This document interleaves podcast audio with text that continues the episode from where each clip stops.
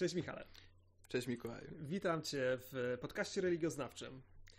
Witam również. Cieszę się bardzo, że będziesz pierwszym gościem takiego wywiadu w podcaście religioznawczym, co jest e, dla mnie pewnego rodzaju nowością, bo jak pewnie wiesz, wszystkie odcinki były nagrywane w innym tak. trybie. Mhm. Michał Stonawski jest autorem książki Paranormalne i jednocześnie chyba najlepiej mi znanym, e, jeśli tak mogę powiedzieć, Ghost Hunterem czyli osobą, która bada nawiedzone miejsca. I zacznijmy może od tego ten podcast, bo może niektórych z Was zdziwi, co ma wspólnego jakieś zjawiska paranormalne, czy, czy, czy, czy badanie miejsc nawiedzonych z, bezpośrednio z religioznawstwem. I jak myślisz, Michale, jakie jest w ogóle podejście religioznawców jako osoby, jako naukowców do zjawisk paranormalnych? Jak się podpowiada Twoja intuicja? To znaczy powiem tak, że ja nie, nie patrzyłem się na e, zjawiska paranormalne pod względem religioznawczym, więc e, nie jestem tutaj żadnym autorytetem, okay. takim jak na przykład ty. Natomiast mogę się domyślać. Mhm. I jeśli chodzi o moje domysły, to są takie, że w każdej religii znajdziemy um, kult zmarłych, w każdej religii znajdziemy też informacje na temat różnych rodzajów demonologii, opętań. Mhm. Wszędzie też znajdziemy informacje o tym, że e, budynki, czy też właśnie ludzie mogą zostać opętani. Mhm, mhm. Ale jak, jak podejrzewasz, jakie jest podejście samych naukowców? Jak oni tego podchodzą? Bo to, że opisują, to masz rację oczywiście tak, tak. i z tego względu z e, pewnego rodzaju wierzenia w zjawiska paranormalne e, są jak najbardziej obiektem badań religioznawczych. E, ale jaka twoja intuicja ci podpowiada, mm, jakie jest podejście religioznawcze, jeśli chodzi o ontologiczny byt tych zjawisk? Czyli czy istnieją, czy nie istnieją? Jakie no raczej, się... raczej myślę, że to jest kwestia taka, że, że nie istnieją, natomiast są wynikiem pewnego rodzaju mhm. um, ludzkich um, podatności na mhm. takie, e, takie opowieści i kwestii zasugerowania się takimi, takimi opowieściami, bo mhm. informacji o tym, że ktoś e, widział jakieś dziwne rzeczy, czy też e, e że takie, takie rzeczy miały miejsce w mhm. jakimś budynku, czy e, że ktoś był opętany, jest mnóstwo. Tak mhm. naprawdę od, od w zasadzie e, początku ludzkości znajdujemy takie opisy. Jest tak jak mówisz, natomiast z jednym wyjątkiem, mianowicie religioznawstwo po prostu nie rozstrzyga czy zjawiska mm. paranormalne istnieją, czy nie, tylko zajmuje się rzeczywiście badaniem tego, w jaki sposób ludzie podchodzą, chyba, że w jakiś sposób naukowo ma do powiedzenia, że na przykład widzi, że pewne rzeczy są inscenizacją, tak? a nie noszą pewnych cech, zjawisk takich nadprzyrodzonych w jaki sposób opisują je ludzie. To religioznawstwo oczywiście w to opisuje.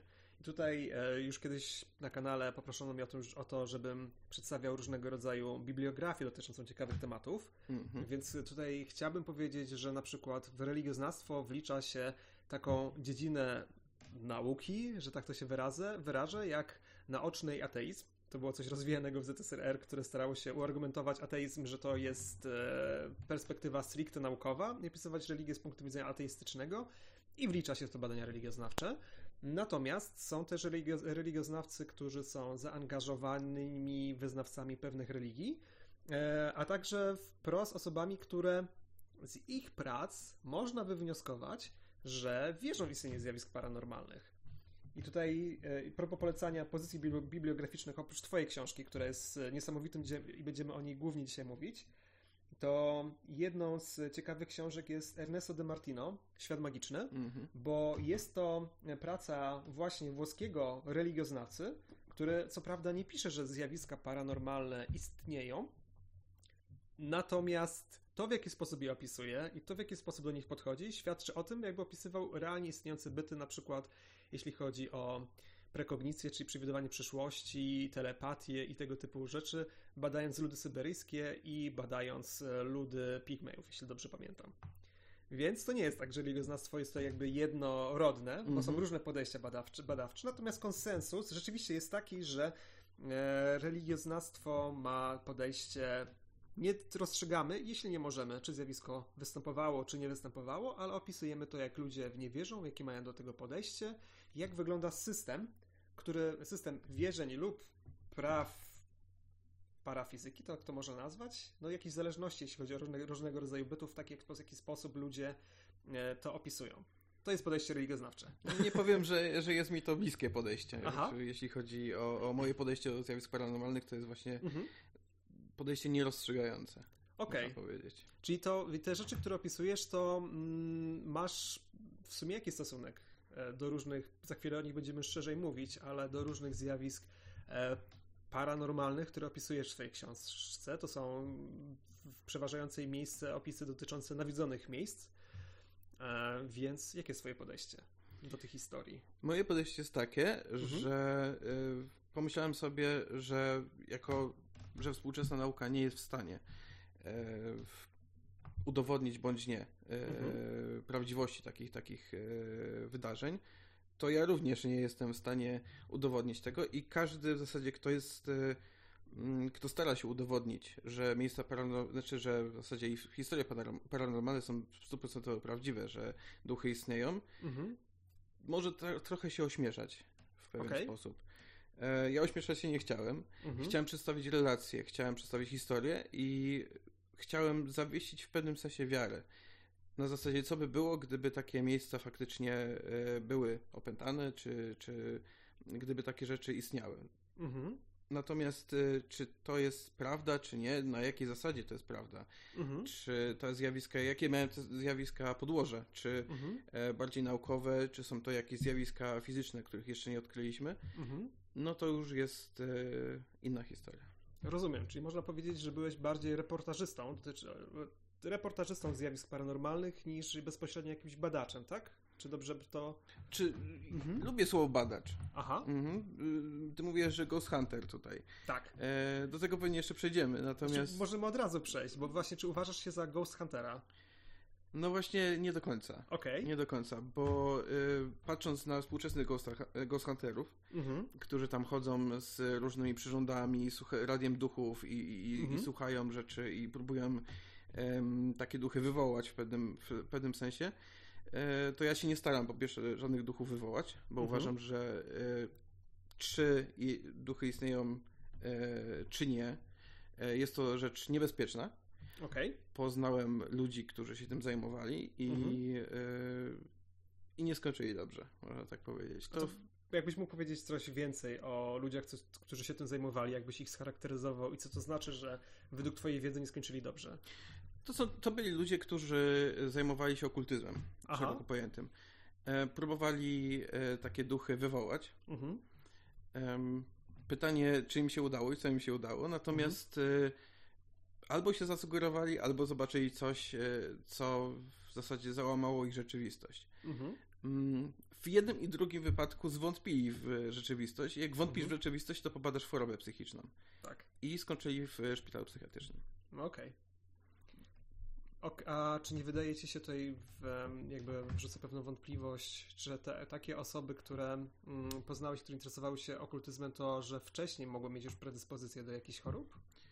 Możliwe, możliwe. No nie, nie odrzucam tej możliwości. Mhm. E, wszystko zależy w zasadzie od, od człowieka, bo Aha. ludzie są różni. Mogą być bardziej po prostu ludzie, e, tak jak ja, ciekawi tak. E, i, i chcący zbadać te sprawy.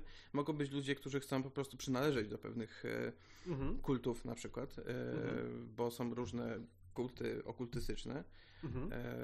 jak na przykład chyba najbardziej znane jest Oto, się wydaje. No, w tym momencie z tego co słyszałem najwięcej E, ma młodej krwi, czyli ludzi, którzy przystępują do tego zakonu, bo te wszystkie zakony masońskie, z tego co słyszałem, a słyszałem to od Krzysztofa Zerowicza, przez jednego z jego wykładów, że tam te różnego rodzaju loże masońskie mają ten problem, że no, ludzie już nie garną się do nich. To nie jest już taka fajna zajawka, żeby przystąpić i przez to się starzeją. Mhm. I coraz łatwiej do nich de facto przystąpić, jeśli ktoś by chciał. jeśli ktoś by chciał. Reklamujemy, tak. chociaż nie należymy. Tak. Okej, okay, więc to rzeczywiście, no, rzeczywiście, oto jest dość specyficzne, bo mm, Sam Crowley operował dość mroczną symboliką. O ile on, mówiąc na przykład o szatanie, de facto nie mówił o figurze szatana taką, jaką znamy z Biblii, ale cała symbolika, którą tworzył, to rzeczywiście była dość mroczna, że tak powiem, mroczna i, i przepełniona energią seksualną, nie? Co już tak, po, no, e, ulubionym tematem Crowley'a, nie oszukujmy się. No, co trochę mi przypomina w ogóle klimaty właśnie z, według, wokół norweskiej sceny black metalowej, szczerze mówiąc, to co tam się, no może bez przesady, tak, no Crowley był intelektualistą w jakiś mm -hmm. sposób, ale ale, ale jednak ta symbolika była mroczna, co też skłania mnie ku pewnym przypuszczeniom, że pewien typ ludzi, którzy mógł, że ta jego filozofia może być atrakcyjna dla ludzi nie tylko, którzy są ciekawi jakichś tam doświadczeń i badań okultystycznych, ale też po prostu zwichrowani psychicznie. Tak, mo może tak mhm. być. No i tu znowu wchodzimy, Aha. wracamy do tego tematu, jak ludzie badają takie, takie rzeczy. Aha. Mm, no i właśnie y, podzieliłbym, podzieliłbym to na parę różnych y, takich grup właśnie, mhm. że to są ci, którzy właśnie chcą przynależeć, to są tacy ludzie, którzy chcą badać, Aha. to są ludzie, y, którzy, tak jak mówisz, mogą mieć podatność na, na mhm. pewne psychiczne, do pewnych psychicznych chorób. E, to są ludzie, którzy wreszcie e, są, jakby to powiedzieć, e, nie wierzą w rzeczywistość, tak? Okej, okay. a co to znaczy, jakbyś mógł teraz powiedzieć, co to znaczy, że nie wierzą w rzeczywistość? Coś jak to na, wytłumaczyć naszym Czy, słuchaczom? Ja bym, ja bym to y, powiedział tak, że y, dużo jest takich foliarzy tak zwanych. Okej, okay. w tym wszystkim. No. Okay? E, ludzi, którzy po prostu lubią e, takie, takie tematy. Nie? I w sensie teorie spiskowe. Teorie tak? spiskowe, e, to, że nie wiem, nie ma, nie ma koronawirus, nie istnieje, Ziemia jest płaska, takie rzeczy. Okej. Okay. I, mhm. I, oni też bardzo się do tego garną, do, mhm. do zjawisk paranormalnych. No i niestety psują troszeczkę tutaj mm, odbiór takich zjawisk. Okej, okay, a w jaki, w jaki sposób psują? Przez swoją nadgorliwość, czy... Tak, bo wierzą we wszystko, co się im podsunie, tak naprawdę. Okej. Okay. E, plus e, e, wszystkie, w naukowym świecie na przykład, mhm. wszystkie, wszystkie badania, jakie naukowcy są, jeśli jest jakiś naukowiec, który jest zainteresowany takimi mhm. rzeczami, no to na przykład chcąc zrobić takie badania, takich, takich, tak. takich rzeczy, jest narażony na śmieszność. No tak. Przykład, tak. No tak, chociaż też kojarzę dwóch naukowców, którzy czynili ciekawe badania. To był Michael Persinger, jeśli dobrze pamiętam, e, i Vic Tandy, psychoakustyk. Vic Tandy i Michael Persinger mm. to był. Mm, nie chcę teraz tutaj po, po, poczynić faux pas, ale on e, badał wpływ elektro, mm, promieniowania chyba niejonizującego na, na postrzeganie rzeczywistości. On stworzył koncept takiego hełmu Boga czyli za pomocą pewnej deprywacji sensorycznej i pobudzaniu neuronów przez e, pewnego rodzaju fale, jeśli dobrze pamiętam, ludzie mieli mieć doświadczenia mistyczne. Mm -hmm. Ale mhm. rzeczywiście Michael Persinger został ośmieszony, bo nikt nie był w stanie powtórzyć jego badań, e, a mim, znaczy nie był w stanie powtórzyć, że hełm wywołuje pewnego rodzaju doświadczenia, bo sama deprywacja, czyli odcięcie od zmysłów, to jak najbardziej sprawiała, że ludzie mieli halucynacje czy jakieś doświadczenia paramistyczne. Natomiast tak. Vic, Vic Tandy był moim zdaniem bardzo ciekawy, bo to był psychoakustyk, który udowodnił że ludzie w e, otoczeniu infradźwięków, szczególnie poszczególnego rodzaju, to jest około między 18 a 20 e, Hz, jeśli dobrze pamiętam, są w stanie, dos- odczuwają strach, to jest pierwsza rzecz, taka, która, mm, która trochę nas skłania do tego, co jak ludzie się mogą czuć w nawiedzonych miejscach. Przy 19 Hz odpowiednio też, że nie potrafi zadrgać gałka oka, co sprawia, że widzisz coś kątem oka cały czas.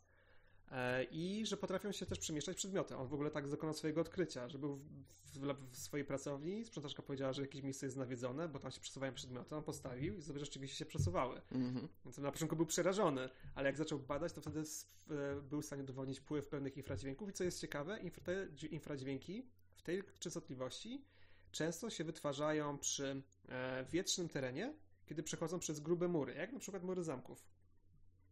I to już nas to skłania do pewnych historii tak. o nawiedzonych zamkach, tak?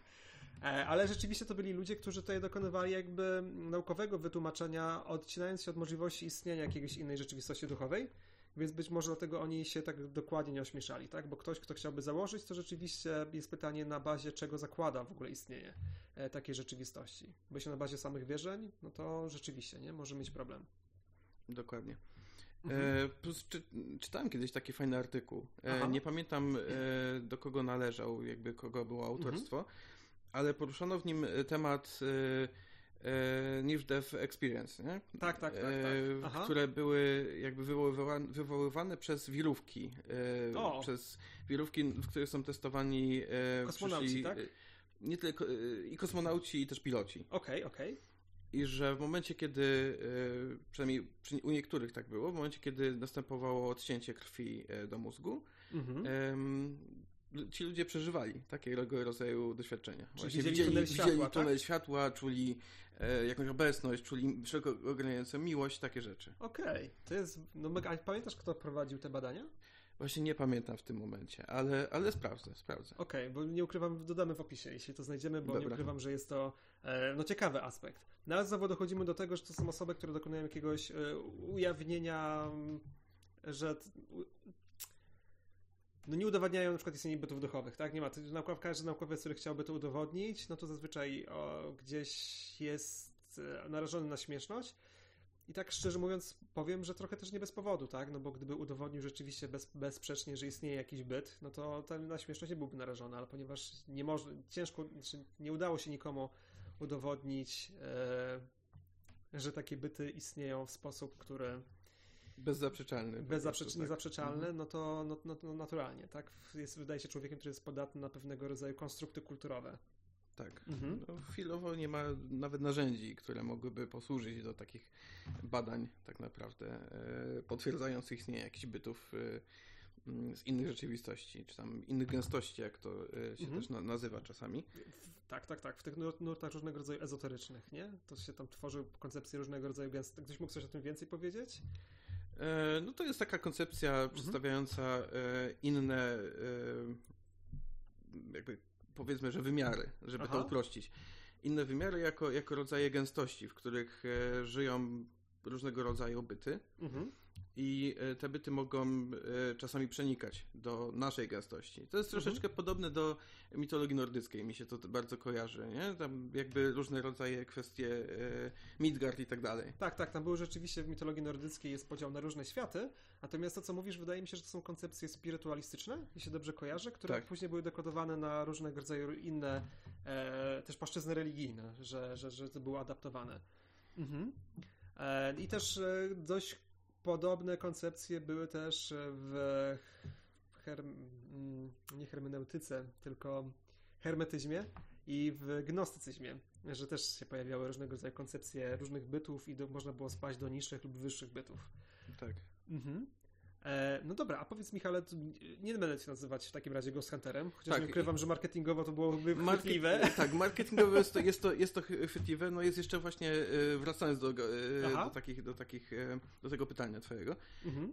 no to jest jeszcze taka ostatnia grupa, czyli tacy hunterzy, którzy polują sobie na, na przykład na YouTubie, na, na duchy. Z, Okej. z kamerą chodzą po nawiedzonym miejscu, czasami coś słyszą, czasami, czasami Mhm. nie, czasami tam, nie wiem, e, mówią, że widzą coś w, temno, w ciemności, oczywiście kamera tego nie rejestruje i tak dalej.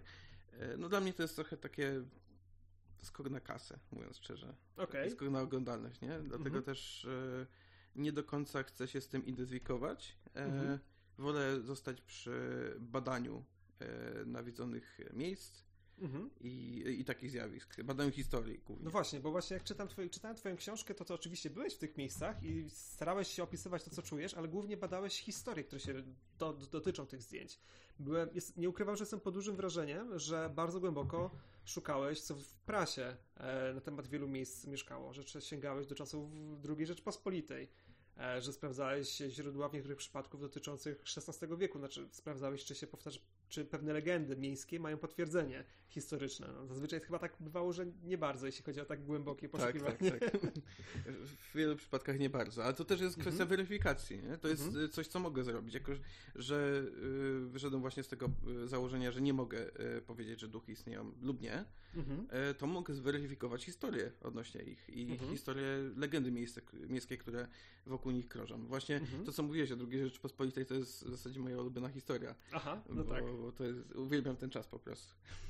No i jest dość dobrze udokumentowany, więc możemy dobrze poczuć, jak ci ludzie żyli w tym czasie, tak? Przeglądając dokładnie. gazety, sprawdzając jak myślą, no nie ukrywam, że też bardzo ta druga Rzeczpospolita wydaje się z tego powodu atrakcyjny, atrakcyjna, a jednocześnie jest to epoka, która jest dość słabo zbadana, no bo jak pewnie też wiesz, ja pomagam w, w eksploracji różnych tematu dotyczących II Rzeczpospolitej Markowi Krajewskiemu mm-hmm. i czasami prosi mnie o książki albo o traktaty, o których szczerze mówiąc nie słyszałem lub znajduję takie traktaty w ramach poszukiwań i dowiaduję się w bibliotece, że jestem pierwszą osobą, która od 96 lat wypożyczyła jakąś książkę, a która dotyczyła na, dotyczyła na przykład głośnej rozprawy nieźle, sądowej. No nieźle, tak, no i to no. właśnie pokazuje, że druga Rzecz, Rzeczpospolita z jednej strony jest e, namacalna, bo możemy ją poznać, a z drugiej strony z takiego religioznawczego punktu widzenia, jeśli chodzi o różne powieści, to już jest ta na granicy tego, gdybyśmy byli społecznością pierwotną, to byłoby na granicy tego, co można jeszcze pamiętać z tego, co babcia opowiadała i co ona słyszała tak naprawdę, tak?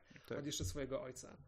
Więc już, jest to już na poły mityczny czas i pewnie też dlatego się, chyba tak mi się wydaje, pojawia w niektórych historiach, o których ty, ty opisujesz. Takich, tych, które Możliwe, się tak bardziej tak namacalne. Mhm. E, no dobra, Michale, a powiedz mi, e, w takim razie możemy cię nazwać mm, badaczem historii nawiedzonych miejsc. Czy to będzie adekwatne? Adekwatne, tak mi się wydaje. Dobrze, ale z tego co wiem, też przyjeżdżasz do tych miejsc i starasz się też jakby organoleptycznie zobaczyć, poczuć te miejsca. Czy... Tak, no to jest mhm. wymagana rzecz, która mhm. Y, w przypadku, w przypadku badania historii no nie mógłbym opisać... Pożądana, ale tak. znam takich reportażystów, co gdzieś słyszeli, to opisali, nie? Albo pisarze, więc no też tak bywa. Może tak, ale no, nie, nie uznaję tego za, za, za dobre, za dobrą no całe praktykę. szczęście to dotyczy zazwyczaj, e, no... Tych pisarzy, którzy niekoniecznie są super szanowani. Okay. Bo nie powiem, że nie, czyta, nie, nie chcę wymieniać nazwisk, ale nie chodzi o takich pisarzy, którzy są niekupowani, bo czasami są kupowani, ale no, bez nazwisk. Chyba, chyba wiem, chyba wiem o kim mówisz. tak personalnie, często ci ludzie są mega sympatycznymi ludźmi, tym bardziej tak, chcę tak, po nich tak. jeździć. Eee, no dobrze. A powiedz mi, skoro do takich. Dlaczego o to pytam? Bo domyślam się, że skoro w takich miejscach przybywasz, to też miałbyś teoretycznie okazję, żeby w tych miejscach poczuć jakąś obecność czegoś złowieszczego, takiego jak krąży w tych historiach. I w Twojej książce, z tego co czytałem, to starasz się być otwarty na te doświadczenia czasami tak bardzo otwarty, że wydaje mi się, że bardziej wierzysz w to, że pewne rzeczy były nawiedzone, niż że nie były nawiedzone. Nie wiem, czy to zabieg literacki, czy to jest e, tak po prostu poczułeś, że w tych historiach jest więcej prawdy niż mm -hmm. z, zmyślonych. jeśli, jeśli coś czuję, mm -hmm. e, to to opisuję. Okay. nie chcę powiedzieć, że, że tam poczułem jakiegoś ducha. Natomiast mm -hmm. faktycznie, jeśli jestem w jakimś miejscu i, i czuję jakiś niepokój, mhm. czy coś mi się dzieje, e, jakiś, jakiś dziwny zbieg okoliczności, które jest e, w pewien sposób niepokojące, tak najbardziej to e, wplatam w, w opowieść. Mhm. No, nie ukrywajmy, też opowieść ma być ciekawa. Mhm, no tak. Tak. Natomiast no, to są rzeczy, które mi się, mi się wydarzyły, przydarzyły. E, często parę mi się już razy zdarzyło, że ludzie się mnie pytali, czy, czy rzeczy, które opisuje się faktycznie wydarzyły naprawdę. Jak na przykład jest takie, takie miejsce, znaczy taka kwestia opowieści z Zofiówki e, mhm. pod, pod, Warszawą, tak. gdzie e, pewnym momencie przyjeżdża czarny y, samochód Aha. z y, przyciemnionymi szybami no. i gość, który, gość albo gościuwa, nie wiem do końca kto, mhm. y, się na mnie patrzy. I ludzie myślą, że to jest zupełnie jakiś zabieg literacki, że to jest bójda. No. Ja to autentycznie przeżyłem i do dzisiaj nie wiem, co się tam w zasadzie wydarzyło. Prawdopodobnie ktoś może przyjechał się y, zobaczyć to, to miejsce. Mogło tak być. Mhm. I chciał w nim pobyć sam na przykład. Mhm. I, I, nie do końca chciał... Y, zobaczył jakiegoś gościa w długim płaszczu z, z, z, długimi włosami i wyglądającego jakoś, jakoś dziwnie, no to stwierdził, no to może odjadę na przykład, nie? Ale z mojej perspektywy to wyglądało tak, a nie inaczej, że to było dosyć niepokojące. No domyślam się, chociaż też się zastanawiam, jaka była perspektywa tej osoby. Czy to nie było tak, że on przyjechał do nawiedzonego miejsca, zobaczył nawiedzone miejsce, zobaczył ciebie i stwierdził, dobra, widziałem ducha i czas wyjeżdżać. Albo jakiegoś okultystę na przykład. na przykład. A to mi przypomniało pewną historię, bo ja też e, chciałem to powiedzieć na końcu, ale to już tutaj się trochę odsłonię. Był swojego, zanim poszedłem jeszcze na studia religioznawcze i także w czasie studiów religioznawczych, e, starałem się bawić w ghost hunting, czyli odwiedzałem miejsca, które teoretycznie były nawiedzone i starałem się coś poczuć. No i zazwyczaj w przeważającej większości miejsc, no, wszystkie historie, które krążyły, nie okazywały się takie, jakie, jakie, jakie krążyły w świadomości powszechnej ludzi. Mm -hmm. Natomiast z takich historii, jak ty opowiadasz, to miałem też taki, mam takiego przyjaciela, który obecnie mieszka w Emiratach Arabskich, bo, bo jest go, ojciec jest Jordańczykiem, więc jest pół-Arabem, chyba się nie, nie pomylę, jeśli tak powiem. Okay. I byliśmy kiedyś w, w budynku, który w Chojnicach, który był wcześniej szpitalem i gdzie ochroniarz uciekł z niego, bo słyszał płacz dzieci. No to staraliśmy się tam wejść w odpowiednim momencie i sprawdzić, że rzeczywiście na jakimś oddziale słychać płacz dziecka. No, nic nie usłyszeliśmy, ale kiedy chodziliśmy tam kiedyś w południe i Ferid był akurat na dachu tego szpitalu, Mhm. E, całkiem niedaleko jest zakon jakiś sióstr, nie pamiętam już, już, już których. W każdym razie jedna siostra zobaczyła śniadego faceta na dachu miejsca, o którym mówią, że jest nawiedzony. Więc tylko co zrobiła, to się przyżegnała i pobiegła. A my ściągnęliśmy go na dół, bo nie chcieliśmy, żeby wyzwała policję, natomiast to chyba nie groziło. Po prostu przyjęła i prawdopodobnie, tak wydaje mi się, interpretację, że doświadczyła Czegoś obecności bytu jakiegoś Tak. niesamowitego. Czy s- s- tak, no takie, takie miejsca generują takie historie. Ja, ja pamiętam, jak się musiałem tłumaczyć, jak z Krzyśkiem Bieliskim chodziliśmy po nawiedzonych Mhm. miejscach, robiliśmy wtedy, wrzucaliśmy takie krótkie filmiki z naszych, z naszych e, podróży do internetu. Tak. I e, w jednym miejscu Mhm. em, Krzysiek złap, złapał mój cień kamerą, tak jakoś na jakimś takim szybkim ujęciu. Ja Mhm. się musiałem gęsto tłumaczyć potem w komentarzach, że to nie, jest duch, tylko, tylko jestem e, to ja. I, Oj i, tak. i, Oj tak. No. I, I ta osoba się ze mną kłóciła, że, że, że ja jestem jednak duchem, że, że, że to nieprawda, że oszukuję. Nie? Mhm. Więc no tak, no, takie, takie miejsca taką per, perspektywę wyzwalają. Do, no tak rzeczywiście są historiogenne, nie? Chyba nie ma takiego słowa, ale właśnie ukułem, że są historiogenne. E, czyli tworzące, dające pretekst do tworzenia różnego rodzaju plotek, historii, które się roznoszą w sposób wirusowy. Tak. E, Okej, dobrze, a powiedz mi, skoro bywałeś w takich miejscach i mm, byłeś w dużej ilości takich miejsc, to czy jest jakieś miejsce, o którym możesz powiedzieć, że rzeczywiście zobaczyłeś tam, poczułeś coś lub usłyszałeś coś, co cię bardziej skłania ku wierzeniu w to, że w tam z tym miejscu coś jest, coś było? Jest jedno takie miejsce. Mhm. To się pewnie domyślisz, o, o, o którym mówię. No czytałem książkę, więc tak, tak. tak. Em, no to jest Kosociska, to jest, to jest Mhm. mój początek, e, to, że tak to ujmę. I oczywiście mogłem się tutaj zasugerować Mhm. em, w tej swojej historii. E, To był też taki ciekawy czas, no bo to były, e, to było w 2010 roku. Okej, to może też zrobimy taki wstęp dla naszych słuchaczy, bo my na hasło Kosacicka to już wszystko wiemy, ale nasi słuchacze niekoniecznie. Więc gdybyś mógł powiedzieć coś o tym, e, bo mówimy o Kosacicka, to jest nazwa ulicy, a chodzi Tak. o dom cieszący się najgorszą sławą najbardziej nawiedzonego miejsca w Krakowie. Swojego czasu, ponieważ dom już został zburzony. Tak, swojego Mhm. czasu e, ten dom stał sobie na przecięciu ulic Wiejskiej i Kosocickiej Mhm.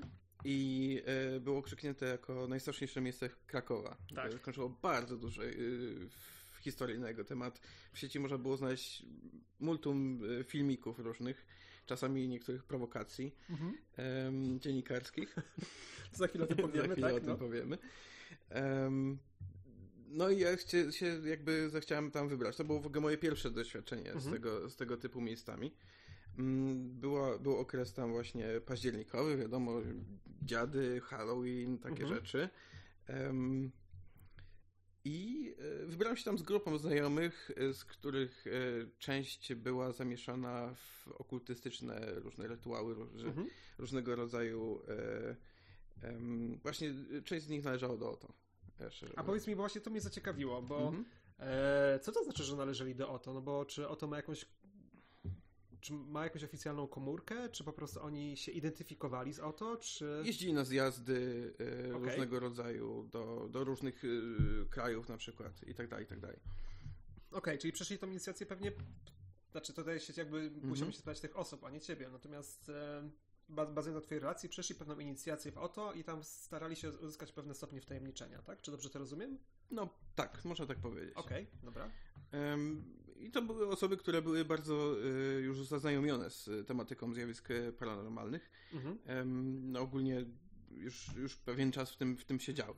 Mhm. Mm, Więc w- kiedy tam dotarliśmy, koleżanka zaczęła wywoływać byt w tym miejscu, a ja się zasugerowałem albo też coś poczułem. W każdym Mhm. razie to jest ciekawe, jak w ogóle działa psychika ludzka, Tak. bo jeśli e, nie był to duch, Mhm.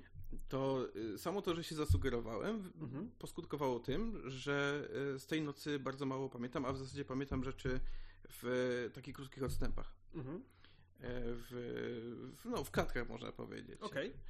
Okay. Zachowywałem też się inaczej.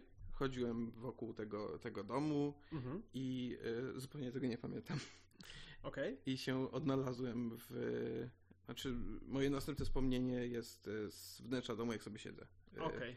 Tak, więc i faktycznie coś czułem, coś, co, coś mhm. co jest na schodach. Czy y, to było coś paranormalnego? No, przeżycie było jak najbardziej paranormalne. To, mhm. się, to się w to y, wszystko y, wpisuje. Tak samo mhm. jak zobaczenie jakiegoś dziwnego obiektu jest zobaczeniem UFO mhm. E, nie do końca zobaczeniem obcych, tak? Tak mhm. Tak samo e, nie do końca tutaj... E, Czyli zobaczenie niezidentyfikowanego obiektu latającego, nic nie oznacza, że widzisz kosmitów, tak? Dokładnie. Tak? O, to, chciałeś Dokładnie, powiedzieć. tak mhm. jest. Tak samo y, przeżycie y, zjawiska paranormalnego nie oznacza, że to zjawisko faktycznie było paranormalne. Mhm. To mogło być szereg różnych czynników.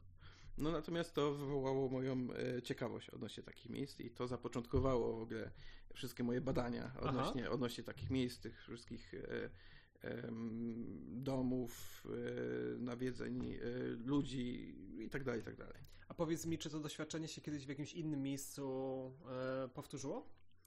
Nie, czułem niepewność w, mhm. w niektórych miejscach, zwłaszcza jak byłem tam sam. Okej. Okay to w mniejszym lub większym stopniu e, mogłem, mogłem czuć pewną niepewność. E, e, też inaczej pewne rzeczy słyszałem. Mhm. Na przykład to, co się powtarza w wielu nawiedzonych miejscach, to jest taka cisza, która jest, można powiedzieć, grobowa. Mhm, okej. Okay.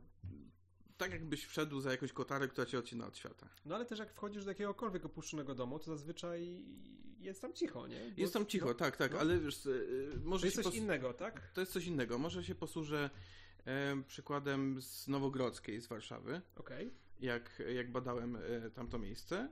E, obok biegnie sobie normalnie ulica, jeżdżą samochody. I ja tych samochodów w zasadzie prawie nie słyszałem, będąc w budynku obok, nie? Mhm. Mm, będąc tam sam. Nie? To jest y, też być może jakaś reakcja, nie wiem, adrenalina czy coś takiego. Mhm. A może znowu coś, jakiś, jakiś wpływ miejsca. Okay. Zostawmy to otwarte. Właśnie, właśnie do tego dążę, żeby zostawiać takie rzeczy otwarte. Ale e, o czym tutaj mówię? E, czy poczułeś? Ja się pytałem, czy coś takiego tak. się powtórzyło jak na Kosocickiej gdzieś? W takim nasileniu nie. E, ponieważ e, nie staram się otwierać na takie rzeczy, nie okay. staram się wywo wywoływać duchów. Okay. Uznaję to za po prostu zbyt niebezpieczne. A wtedy się, czu, wtedy się chciałeś otworzyć na Kosacickiej, czy... Tak, wtedy autentycznie Aha. chciałem zobaczyć ducha. Okay. Poszedłem tam z zamiarem zobaczenia, zobaczenia ducha, przeżycia czegoś paranormalnego. Aha e, zobaczenia, co się wydarzy. Aha. Więc jak tylko tam przyszedłem, to w zasadzie, można powiedzieć, zacząłem medytować, czy Rozumiem. otwierać się na tego, rzecz, e, tego rodzaju e, doświadczenia. E, bo jeśli chodzi o Twoje doświadczenia i moje doświadczenia, kiedy się bawiłem w Ghost Hunting, niektóre rzeczy są, e, przyznaję, że dość zbieżne, aczkolwiek nie w przypadku Kosocickiej. I tutaj mi się właśnie zastanawiam, czy to tutaj jakby wyrażam swoją absolutnie opinię mm -hmm. i to mhm. bardziej jako Mikołaj Kołyszko, a nie jako religioznawca nawet, bo tutaj mówię, jak religioznawstwo nie rozstrzyga pewnych kwestii. E, czy to jest kwestia pewnego właśnie rodzaju podchodzenia do pewnych doświadczeń, czy wpływ miejsca? Dlatego, że tak jak wiesz, ja też byłem na Kosocickiej. Jak przed chwilą, przed spotkaniem ustaliliśmy, to w ogóle byliśmy, musieliśmy się minąć w ciągu paru, paru dni. dni tak. Bo ja tam chyba byłem 30 października 2010 roku, ty też gdzieś w tym... W tym rejonie. Nie pamiętam do końca, który no. to był dzień, natomiast wiem, że, że to musiał być październik. Na, tak. na pewno, jakoś tak, też pod koniec. Tak, tak. No i w każdym razie e, ja tam poszedłem trochę z... z inaczej, pierwsze poszedłem tam też ze znajomymi i nasz cel był dwojaki. Jedno to sprawdzić, czy to miejsce jest nawiedzone, czyli tam posiedzieć i posłuchać i otworzyć na pewnego rodzaju doświadczenia. I akurat my osobiście, mhm. nie starając się tworzyć jakichkolwiek rytuałów, tylko po prostu tam być, bo większość ludzi w tych legendach miejskich, historiach to przychodzi i doświadcza. Tak. O to my przyszliśmy, chcieliśmy doświadczyć. E, no i tam nic się za bardzo nie wydarzyło, więc zacząłem realizować swój drugi cel, którym była praca zaliczeniowa na zajęcia z śmierci religioznawczych, socjologii religii, a jednocześnie otwierałem wtedy, miałem w planie otworzenia magazynu poświęconego literaturze interaktywnej, więc stwierdziłem, to będzie nośny motyw, żeby, e, żeby opisać pewną rzecz. I mówiąc starając się powiedzieć to krótko, nakręciliśmy prowokację, gdzie tak. stworzyliśmy historię, gdzie widzieliśmy, jak się, tworzy, jak się tworzą legendy miejskie, które elementy są wrażliwe, a które nie. Postanowi w tej historii staraliśmy się dotknąć każdego z nich. E, nakręciliśmy film komórką. W tym filmie absolutnie praktycznie nic nie widać. Aczkolwiek, to jest ciekawe, bardzo podobne mieliśmy doświadczenie jak ty, które powiedziałeś wcześniej, jeśli chodzi o nagrywanie nawiedzonych miejsc, bo była jakaś plama na ścianie, która w jednej sekundzie przypominała pół twarzy i ludzie mm -hmm. też stwierdzili, że to jest twarz ducha i było w komentarzach informacji o twarzy ducha. E, no i w tej historii absolutnie zmyślonej. Na trzecim piętrze pojawił się mój jeden znajomy, który wyszedł z parapetu i, i uciekaliśmy, no i to był dowód na to, że był jakiś duch. Co ciekawe, kamera go wychwyciła, ale nie wych... już na obróbce komputerowej też nie było go widać. A drugi to mój kolega wyskoczył z piwnicy i co ciekawe, go bardzo dobrze widać, dlatego że podjął nie, dysk... nie technikę ukazania się na taśmie, której nie uzgadnialiśmy wcześniej, mianowicie stwierdził, że świetnym pomysłem będzie wyskoczenie nago. Dlatego udało się go w miarę zarejestrować jako jasną plamę. No i to, był, to, to na nagraniu wyglądało jako, jak, jak, jak duch. E, no i w historii wymyśliliśmy, że tam jeden z naszych, no w sumie aktorów tej prowokacji popełnił samobójstwo, bo zobaczył, bo się odwrócił i zobaczył coś jeszcze tak strasznego, a nie wiedzieliśmy co. To jest taki stały motyw z horrorów i też z pewnych legend miejskich, że się kończy jakimiś ofiarami, złamanie pewnego tak, tabu. Tak. E, no i obserwowaliśmy w ogóle, jak się dzieje w tej historii, więc e, z rzeczy istotnych to my nie mieliśmy, byliśmy tam, ja też się staram otworzyć na pewne rzeczy i co za chwilę ci jeszcze też powiem, że też się otwierałem wcześniej w innych miejscach, miałem inne doświadczenia i no tam akurat nie poczułem nic. I to był mhm. mniej więcej ten sam czas, to samo miejsce, więc jakby no teoretycznie bazując na pewnego rodzaju logice różnych teorii spirytalistycznych, ezoterycznych i tak dalej, to, powinniśmy mniej więcej poczuć coś ciekawego, chyba że się ten byt nie chciał otworzyć na mnie, tak? Gdyby Kluczem też mógł być rytuał, który w moim być. przypadku był odprawiany. Jakiś, tak, tak, tak, tak, tak. No rzeczywiście, jeśli założymy, że, tak, że te rytuały mają wpływ, to oczywiście tak, tak mogło być. A tu jeszcze tylko skończę ciekawostkę taką, wydaje mi się, że jestem w stanie odpowiedzieć na pewną kwestię z twojej książki, chociaż to mam pewną wątpliwość, czy na pewno dobrze odpowiadam, bo zauważyłeś, wydaje mi się, że Aha, bo ty tam byłeś jeszcze później, przechodziłeś i wtedy, kiedy jakiś czas później przyszedłeś do tego domu, zauważyłeś te medale Benedykta? Tak. To chyba wiem, skąd się tam pojawiły. O. Mianowicie, w czasie prowokacji, którą robiliśmy, zgłosił się do nas jeden człowiek, który nie będę zdradzać jego personaliów, bo, bo nie chciałbym tego zrobić, bo się, od, bo się otworzył bardzo na tą historię, bardzo chciał pomóc rodzinie tego Marka, który popełnił samobójstwo i tak dalej. Obecnie jest działaczem politycznym w Krakowie, więc bardziej nie chciałbym okay, go nie będziemy, nie będziemy. Od, od, otwierać. Natomiast on się tak zaangażował, że on wkręcił, um, znaczy wkręcił, wprowadził do tego domu osoby chyba duchowne, jeśli dobrze pamiętam, mm które dokonywały egzorcyzmu w tym miejscu i podejrzewam, że one mogły stawić te medale Benedykta. Na jego prośbę oczywiście. To musiały być osoby, które wiedzą, mm co robią, ponieważ mm egzorcyzm, który został wtedy przeprowadzony, to jest mhm. tak zwany silny egzorcyzm. To, okay. to, nie, to nie jest y, jakby y, po prostu przyczepienie medaliku i tak dalej, tylko, mhm. tylko faktycznie e, użycie medaliku z jednej i z drugiej strony, z awersu mhm. i, i rewersu, tak. jakby jest kwestią tego, że e, to faktycznie musiała być osoba, która wie, co robi. No, która znała na pewno rytuał egzorcyzmu, tak? tak? E, więc wiem z, te, z, tego, oczywiście jak się, wiesz, odkręcaliśmy tą historię, to e, poprosiłem o pomoc psychologa, jak tego wówczas nastoletni chłopak wyprowadzić z tej historii. No, wydaje mi się, że udało nam się to dobrze zrobić, bo nie chciałem w żaden sposób go złamać, tym bardziej za to, że otworzył serce do tej historii i chciał komuś pomóc, no bo to, to, to no, nie jestem dranie, tak? Potrafię mm -hmm. robić prowokacje, ale staram się być człowiekiem przy tym. Tak, tak. E, natomiast inne jeszcze historie wokół tego domu były ciekawe, bo e, zainteresował się tym domem pewien łowca duchów, to już mówimy nie o ghost huntingu, tylko znaczy o ghost huntingu, ale takim już w wyobrażeniu przynajmniej tego człowieka, co robi, to takim wręcz filmowym, że on też rzeczywiście duchy przepędza i łowi i tak dalej, który twierdził, że jest... Mówisz...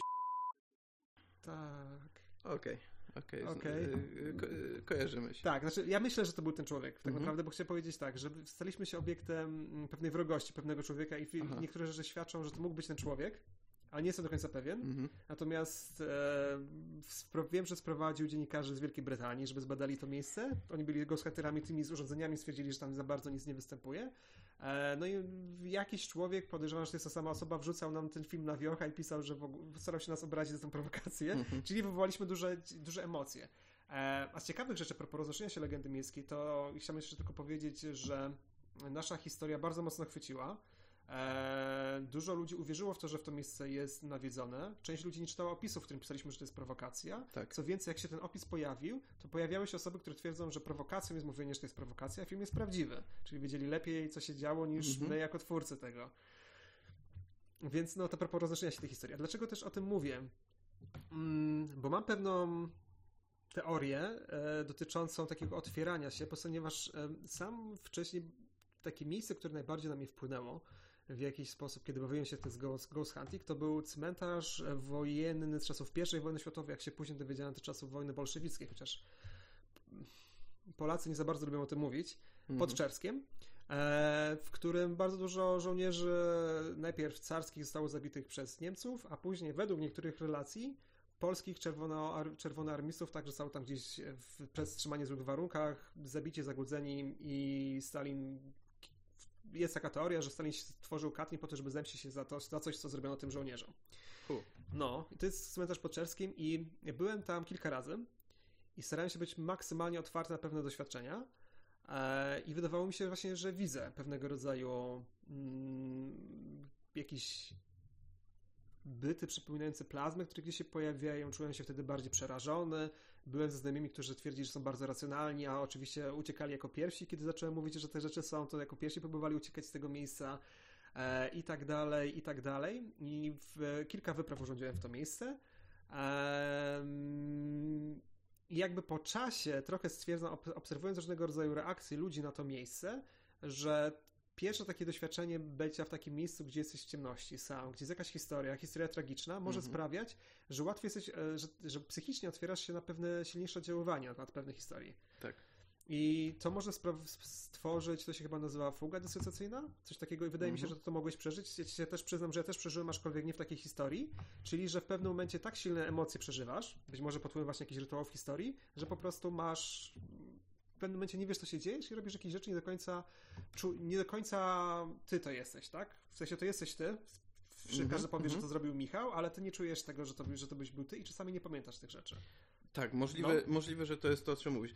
E, też właśnie poznanie historii danego miejsca też, mhm. też może wpływać na takie doświadczenia. Natomiast ciekawie się robi w momencie, mhm. kiedy ktoś nie zna takiej historii. I coś widzi w takim miejscu, nie? I to, y, wtedy, wtedy jest ciekawie. Ja w Paranormalnych przedstawiam tak. takie, taką, taką relację e, pana Łapińskiego, mhm. dosyć, dosyć znanego e, aktora, okay. mhm. e, który w, na Wilczej 2 na 4 zobaczył ducha Lokaja.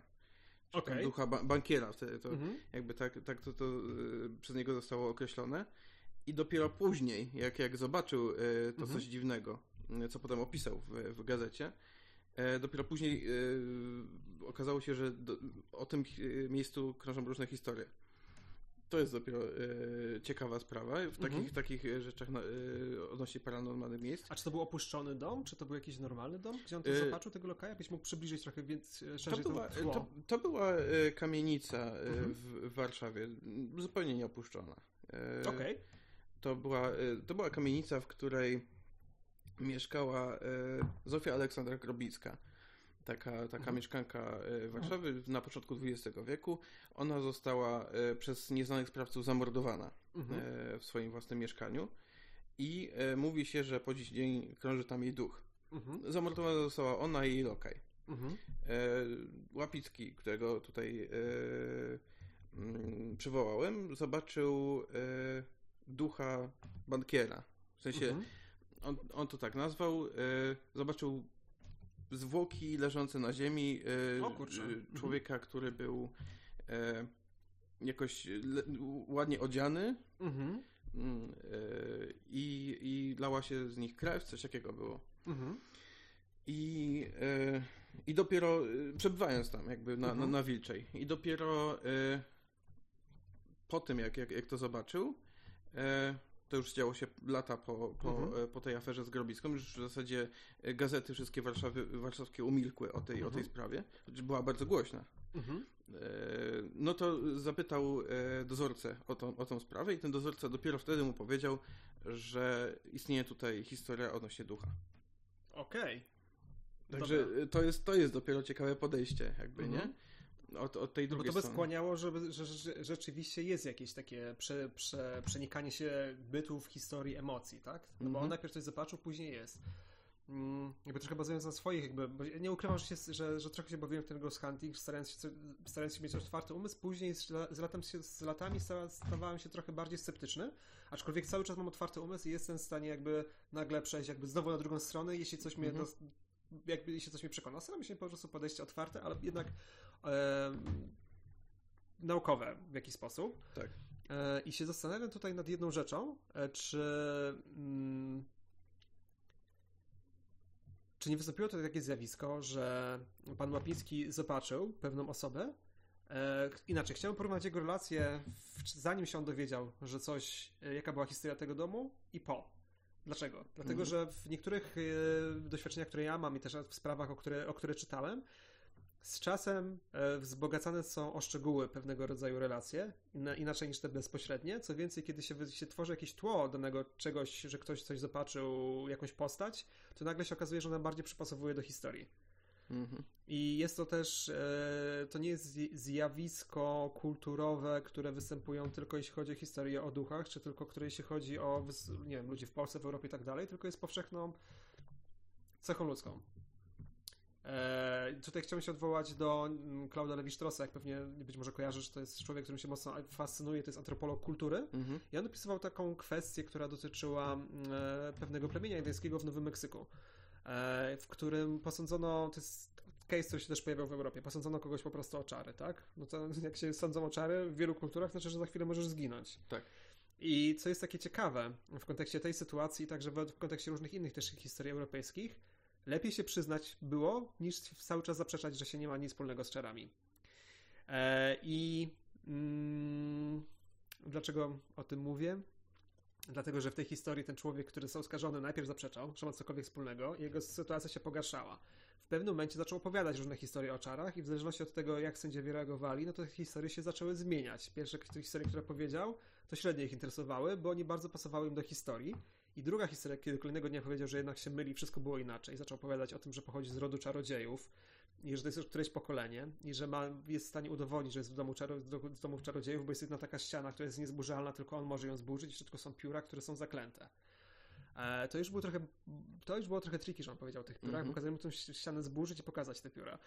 I nie było żadnych piór. No właśnie, to jest, to, jest, to jest też ciekawa historia, bo on burzył, burzył, no oczywiście sędziowie byli coraz bardziej zirytowani, bo on mówił, już mówił, nie pamiętam, gdzie były te pióra i tak dalej, w końcu znalazł jakieś pióro, które było jakieś, gdzieś tam się zaplątało, wiesz, w te, w Nowym Meksyku było też chyba takie puebla budowali, nie, nie jestem do końca pewien, ale chyba tak to wyglądało. Mhm. No i tam bywa, że jakieś pióro się zaplącze i on znalazł takie pióro. No i wtedy wszyscy, no nie klęknęli jak w naszej kulturze, ale po prostu było takie...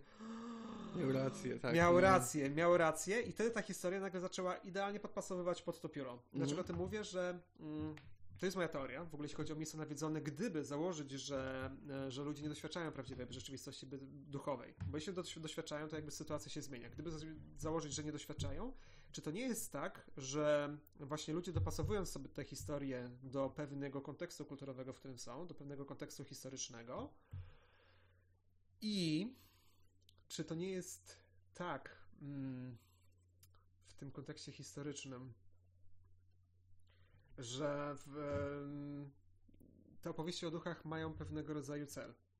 Mianowicie, wydaje mi szczerze mówiąc, jak ja się bawiłem w Ghost Hunting, byłem w nawiedzonych, w miejscach uważanych za nawiedzone. Czasami też czułem jakąś ciężką energię, czułem się potem jakby brudny, kiedy wychodziłem z takich miejsc i tak Mhm. dalej, chociaż takiego niezaprzeczalnego to nigdy niczego nie doświadczyłem. E, natomiast szczerze mówiąc, mniej mnie przerażała jakaś historia, opowieść o jakimś demonie, który występował w jakimś miejscu, czy duchu, niż perspektywa tego, że po prostu nic nie ma po śmierci, że moja egzystencja się kończy. Czy to nie jest tak, że te historie po prostu są odpowiedzią na pewien lek egzystencjalny, który mamy? Możliwe, że tak jest. I Mhm.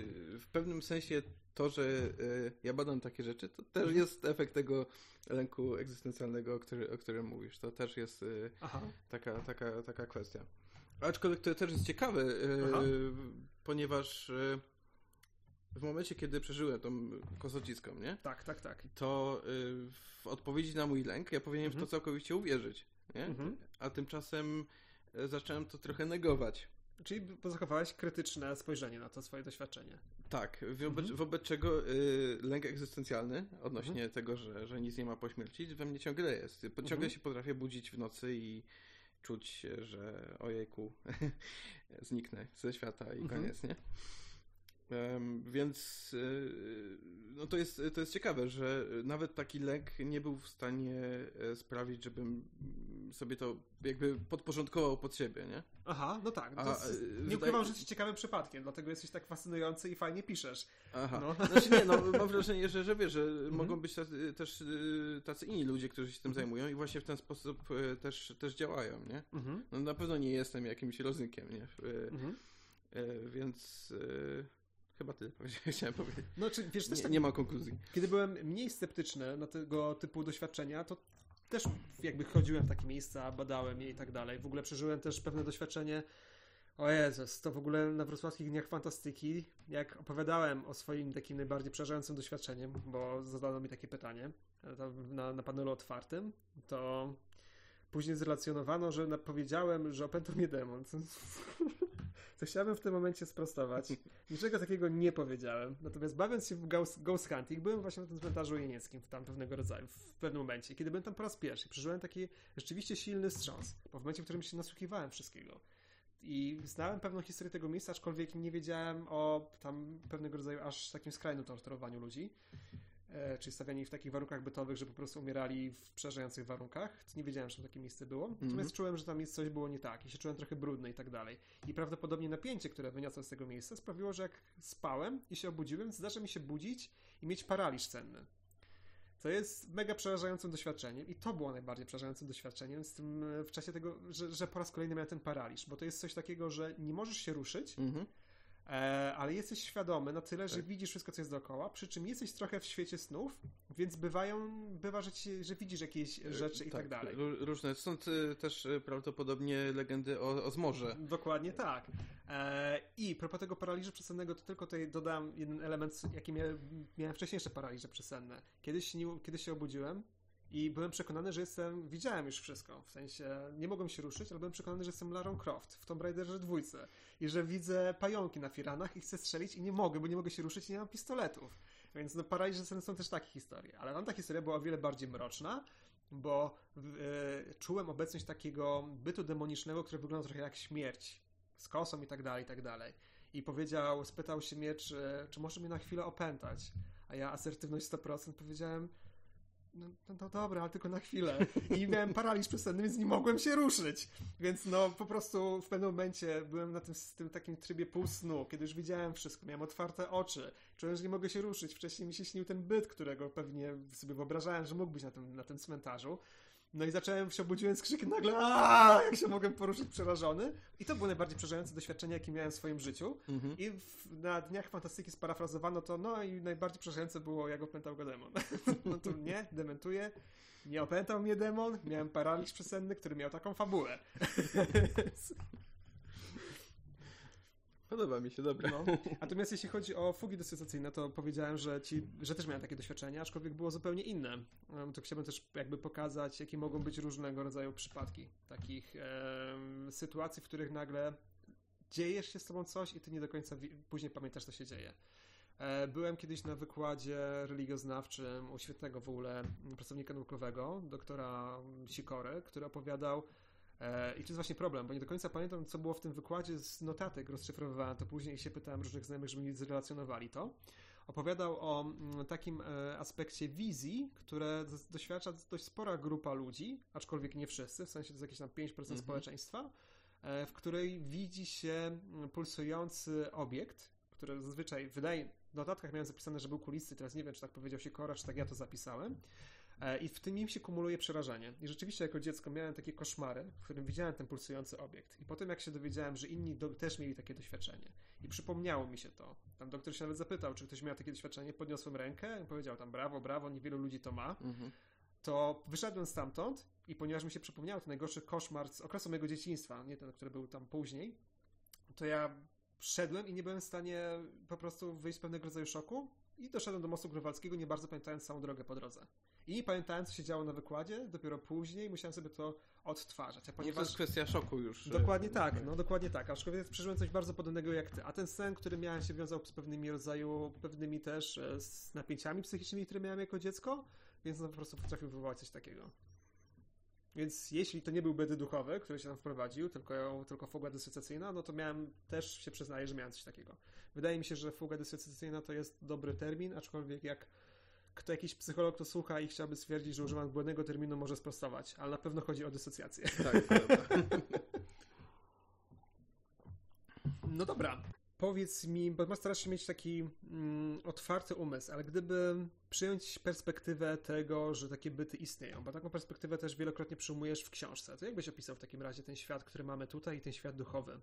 Jakie są korelacje? Kiedy się w te miejsca wy wytwarzają pewną aktywność? Kiedy się pojawiają pewne byty? Piszesz o tym dużo w książce, natomiast nie wszyscy, przypuszczam, tą książkę mają, a szkoda, bo warto byłoby ją mieć. Są okay. ciekawe historie także z punktu widzenia religioznawczego, bo opowiadają o tym, w jaki sposób ludzie wierzą w pewne rzeczy. Mm -hmm. Nawet jeśli, nie, jeśli ich nie ma, to jak, a jeśli są, to opisuje ciekawą rzeczywistość, a jeśli ich nie ma, to opisują w jaki sposób ludzie wierzą w pewne rzeczy. No ale dobra, załóżmy, że jest. I jak opisałbyś ten świat? Czy y, pytasz o kwestię przenikania?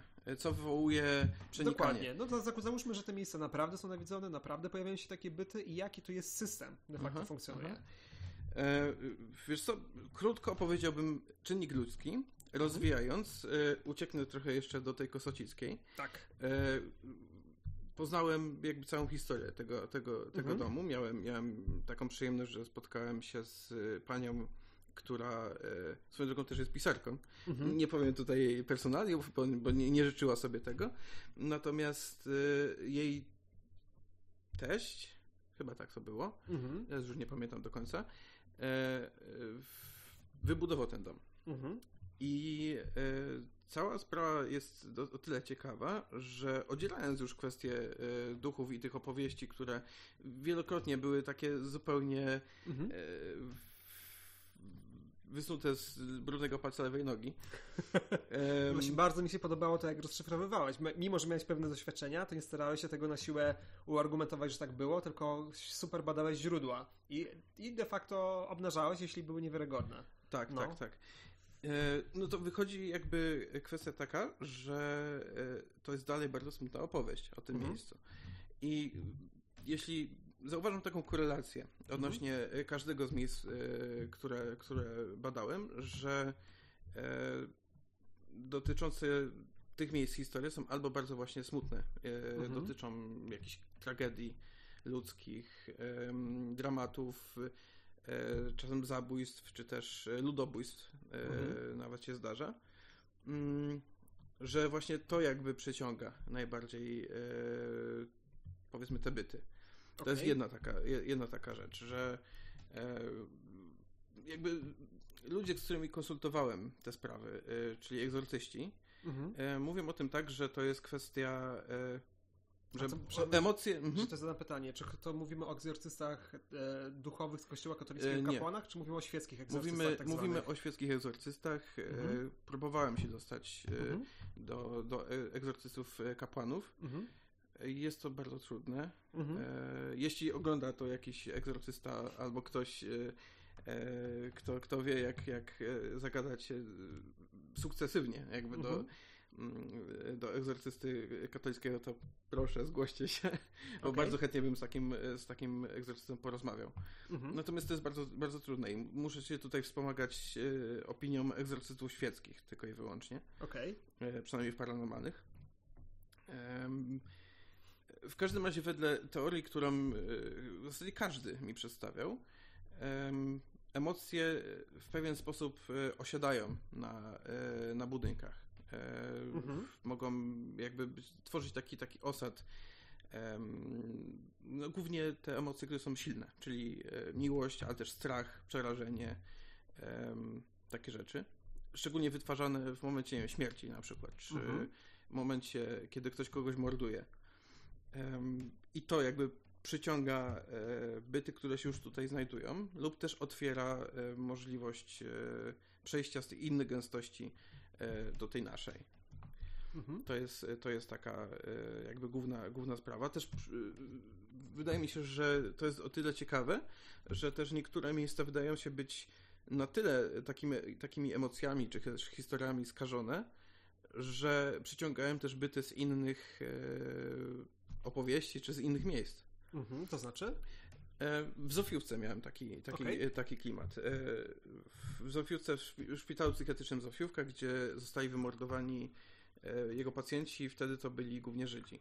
Mhm. To było też o, o, tyle ciekawe, że przez długi czas, w momencie kiedy byli Żydzi mordowani na przykład w Oświęcimiu czy w innych obozach koncentracyjnych, Niemcy przywozili Żydów do Zofiówki, żeby ich leczyć.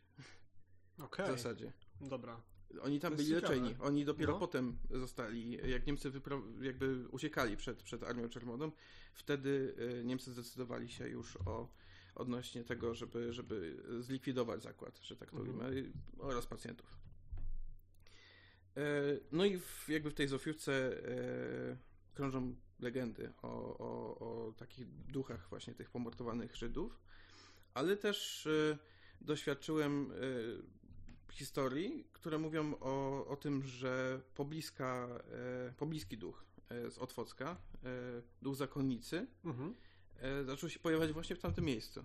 Okej. Okay. Także osoba, z którą rozmawiałem, mhm. Edyta, Edyto, jeśli oglądasz, pozdrawiam, która przebywała tam w latach 90., kiedy, kiedy zakład jeszcze działał jako ośrodek dla trudnej młodzieży, mhm. Mm, doświadczała ducha, który, znaczy ona jakby widziała duchy już od yy, jakiegoś czasu, była jakby otwarta na to medialnie. Była chyba rodzajem medium. Mhm. ciągle mi się wydaje, że jest. Okay. I widzi pewne rzeczy. I duch, który ją dręczył w jej domu rodzinnym, duch mnicha, został tak samo jakby przyszedł za nią do, do tego miejsca, do Zofiówki. Okej. Okay. I wydaje mi się, że takie miejsca, y, które jakby posiadają taką historię. Y, ten czynnik ludzki, który musi mhm. być po prostu, żeby, żeby y, zaistniała historia o duchach, przyciągają ogólnie zarówno inne byty, jak i, jak i historie z, z okolicy.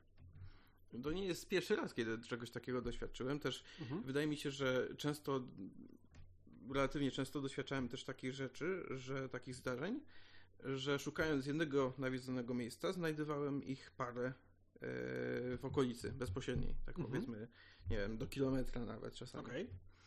E, czyli e, dane miejsce jakby rodziło następne. Dana mhm. historia rodziła następną historię bezpośredniej okolicy danego miejsca. Okej. Okay. To jest mega ciekawe. Znaczy hmm. zachodzi taka korelacja. O też y, dużo mówi o odnośnie y, samej plotki, prawda, budowania no. takiej, takiej historii miejskiej. E, no dobra, a w takim razie są, czyli powiedzmy, że silne emocje, rozumiem, że to są najczęściej negatywne emocje, tak. przyciągają, sprawiają, że się manifestują jakieś byty, e, że, że są przyciągane przez jakieś byty. A co to są za byty według w, w tej koncepcji? Mogą być różne. To znaczy, mhm. te, które na przykład y, docierają do nas innej gęstości, powiedzmy, no to, to mogą być takie rodzaje bezrozumnych bytów, takie coś w rodzaju, nie wiem, przywry czy, czy pasożyta, które się mhm. żywi takimi emocjami. Okej. Okay. Mm. I gdybyś mógł scharakteryzować, bo przyznam szczerze, że podejrzewam, że dla wielu ludzi słuchających nas to są jakieś nowe tematy. Tak. Więc tu przyjmujemy koncepcję. E, w tym momencie mówimy, ja jako religioznawca mówię, że to jest koncepcja pewnego, pewnych wierzeń na temat rzeczywistości, E, więc co w tej koncepcji, czym są przywry, czy, czym są pasożyty? Jak się charakteryzują i tak dalej? No, pasożyty y, to są tego rodzaju byty, które mhm. żywią się energią ludzką. Okay. Jakby wysysają z siebie energię, wysysają z siebie y, y, emocje, mhm. można powiedzieć. Niekoniecznie muszą być to byty jakby świadome. Mhm. To mogą być rodzaje stworzeń, które po prostu tym się żywią, żywią się emocjami. Okej. Okay. Mm, mogą być to też e, byty, takie rodzaje zjaw, mhm. Mm, które będą się żywić takimi emocjami, a e, według opinii, znowu posiłkuje się opinią egzorcystów mhm. E, świeckich, według ich opinii takie, takie zjawy, czy też byty, które są bardziej świadome, będą chciały wyzwalać emocje, żeby się nimi żywić. A co jest najłatwiej wyzwolić? No strach. Lub wstręt. Lub wstręt, dokładnie. Mhm. Więc y, pokazując pewne rzeczy, czy też y, wiem, przesuwając kubki i tak dalej mhm. w jakimś jakim miejscu, mogą sprawić, że, że się boimy i oni wtedy sobie te emocje wysysają i, i mogą sobie żyć, powiedzmy mhm. bardziej. To też jest w ogóle sama w sobie ciekawa teoria, którą usłyszałem. Usłyszałem, że, że jeden egzorcysta mi tak powiedział. Nie, mhm. nie, nie wiem, czy jak to jest bardzo rozpowszechnione. Mhm. E, chyba nie bardzo. Natomiast według niego e, dusze nie są nieśmiertelne. Okay. Że muszą się żywić takimi. E, o, bardzo ciekawa koncepcja. W sensie występuje w wielu wierzeniach na świecie, ale nie, ko nie kojarzyłem jej w ogóle w takim w zachodnioezoterycznym czy spirytalistycznym koncepcjach mm -hmm. nie kojarzyłem, że, że występuje. Być może, jest, być może to jest moja ignorancja, ale potwierdzam, że w wielu religiach dusze nie są e, nieśmiertelne, muszą się żywić, tak. dlatego składano Przynajmniej... im opiaty, tak? Tak, znaczy, na tak, tak, tak. No. Przynajmniej jeśli nie przejdą dalej. Mhm. E, w tej koncepcji, jeśli przejdą dalej, no to e, następuje e, przejście do innego bytu. Okej, okay, tak? okay, okay. Natomiast jeśli nie przejdą dalej, no to muszą się żywić, żeby, mhm. żeby nie, się nie rozpaść. Mhm. One może je, jest to rodzaj, nie wiem, promieniowania Hawkinga, tylko w, stop, w stopniu promieniowania duchowego na przykład. No, się po prostu cały czas rozpadają. Aha. To jest jeszcze, sorry, że ci przerwę, ale mam dużo asocjacji w głowie od razu, jak słyszę takie koncepcje, że mi to przypomina, że w e, buddyzmie, przynajmniej tym buddyzmie tybetańskim, gdzie jest, opisywane są różnego rodzaju byty po śmierci, jakie można przyjąć, to się nie mówi o świecie duchów, tylko wiecznie głodnych duchów. Mhm. No to też by świadczyło o tym, że tam też występuje bardzo podobna idea, tak? Czyli, że tak. te duchy muszą się żywić, no bo to nie są po prostu duchy zjawy, które gdzie występują, ale one są wiecznie głodne. Więc okej, okay. dobra, przepraszam, cię przerwałem, ale... Nie, nie, nie, bardzo dobrze, nie? No. Jakby, y, zresztą nie, nie tylko w, w, Tybecie przecież to jest, y, takie wierzenia były. Tak, tak, tylko właśnie chciałem podkreślić mhm. nazwę, że, bo wiesz, bo w buddyzmie wierzy się w reinkarnację. Tak. I ta reinkarnacja to wbrew pozorom rzadko jest taka tylko wizja, że się umiera, to się wciela albo w ślimaka, albo w człowieka i koniec kropka. Te systemy buddyjskie, w zależności od regionu geograficznego i kulturowego oczywiście, są bardzo szerokie, czyli możesz reinkarnować się w świecie piekielnym, w świecie niebiańskim, przed osiągnięciem nirwany, bo ten niebiański wcale nie jest nirwaną, właśnie w świecie wiecznie głodnych duchów, w świecie zwierząt, który jest jakościowo inny od świata człowieka, chociażby dlatego, że nie możesz słuchać tam dammy, które, czyli nauki, która może cię wyzwolić mhm. i tak dalej, i tak dalej. Właśnie ten, to, że jest, e, są różne światy duchów, ale tutaj była podkreślone w nazwie, że one są wiecznie głodne i nie ma innego świata duchów, tylko świat wiecznie głodnych duchów, jeśli dobrze pamiętam sformułowanie, które tam się pojawia, no to to jest dla mnie niesamowicie interesujące w koncepcji tej, tego, co, co mówił twój znajomy świecki egzorcysta. Mhm. Tak. E, są też oczywiście, e, oczywiście byty silniejsze, jak na przykład demony, mhm. e, które też w pewien sposób żywią się energią, mhm. tylko one już pobierają jakby całą energię życiową i nawet energię cieplną. Dlatego w miejscach, które są opętane przez demony, mówi się, że jest dużo zimniej dużo mhm. chłodniej, e, okay. ponieważ one działają w zasadzie tak wysysając. Mhm. W sumie przydałby się tutaj taki, taki demon. no, mimo że klimatyzacja działała, to jednak tak, temperatura tak, tak. rośnie. Rośnie, no? dokładnie. Mm, więc y, są i takie, takie, takie demony, no i są jeszcze y, poltergeisty, które mhm. są y, chyba najbardziej przez popkulturę wykorzystywane. Czyli duchy hałasujące. Duchy tak? hałaśliwe, duchy, które y, głównie objawiają się tym, że przesuwają się jakieś rzeczy, e, czasami się materializują. E, A powiedz mi, poltergeisty się też żywią czymś, czy jaki jest ich w tej koncepcji racja bytu, że się pojawiają w takich miejscach? One się też żywią energią, że kogoś przestraszą, czy... Nie do końca wiadomo, natomiast, okay. natomiast raczej nie, raczej nie.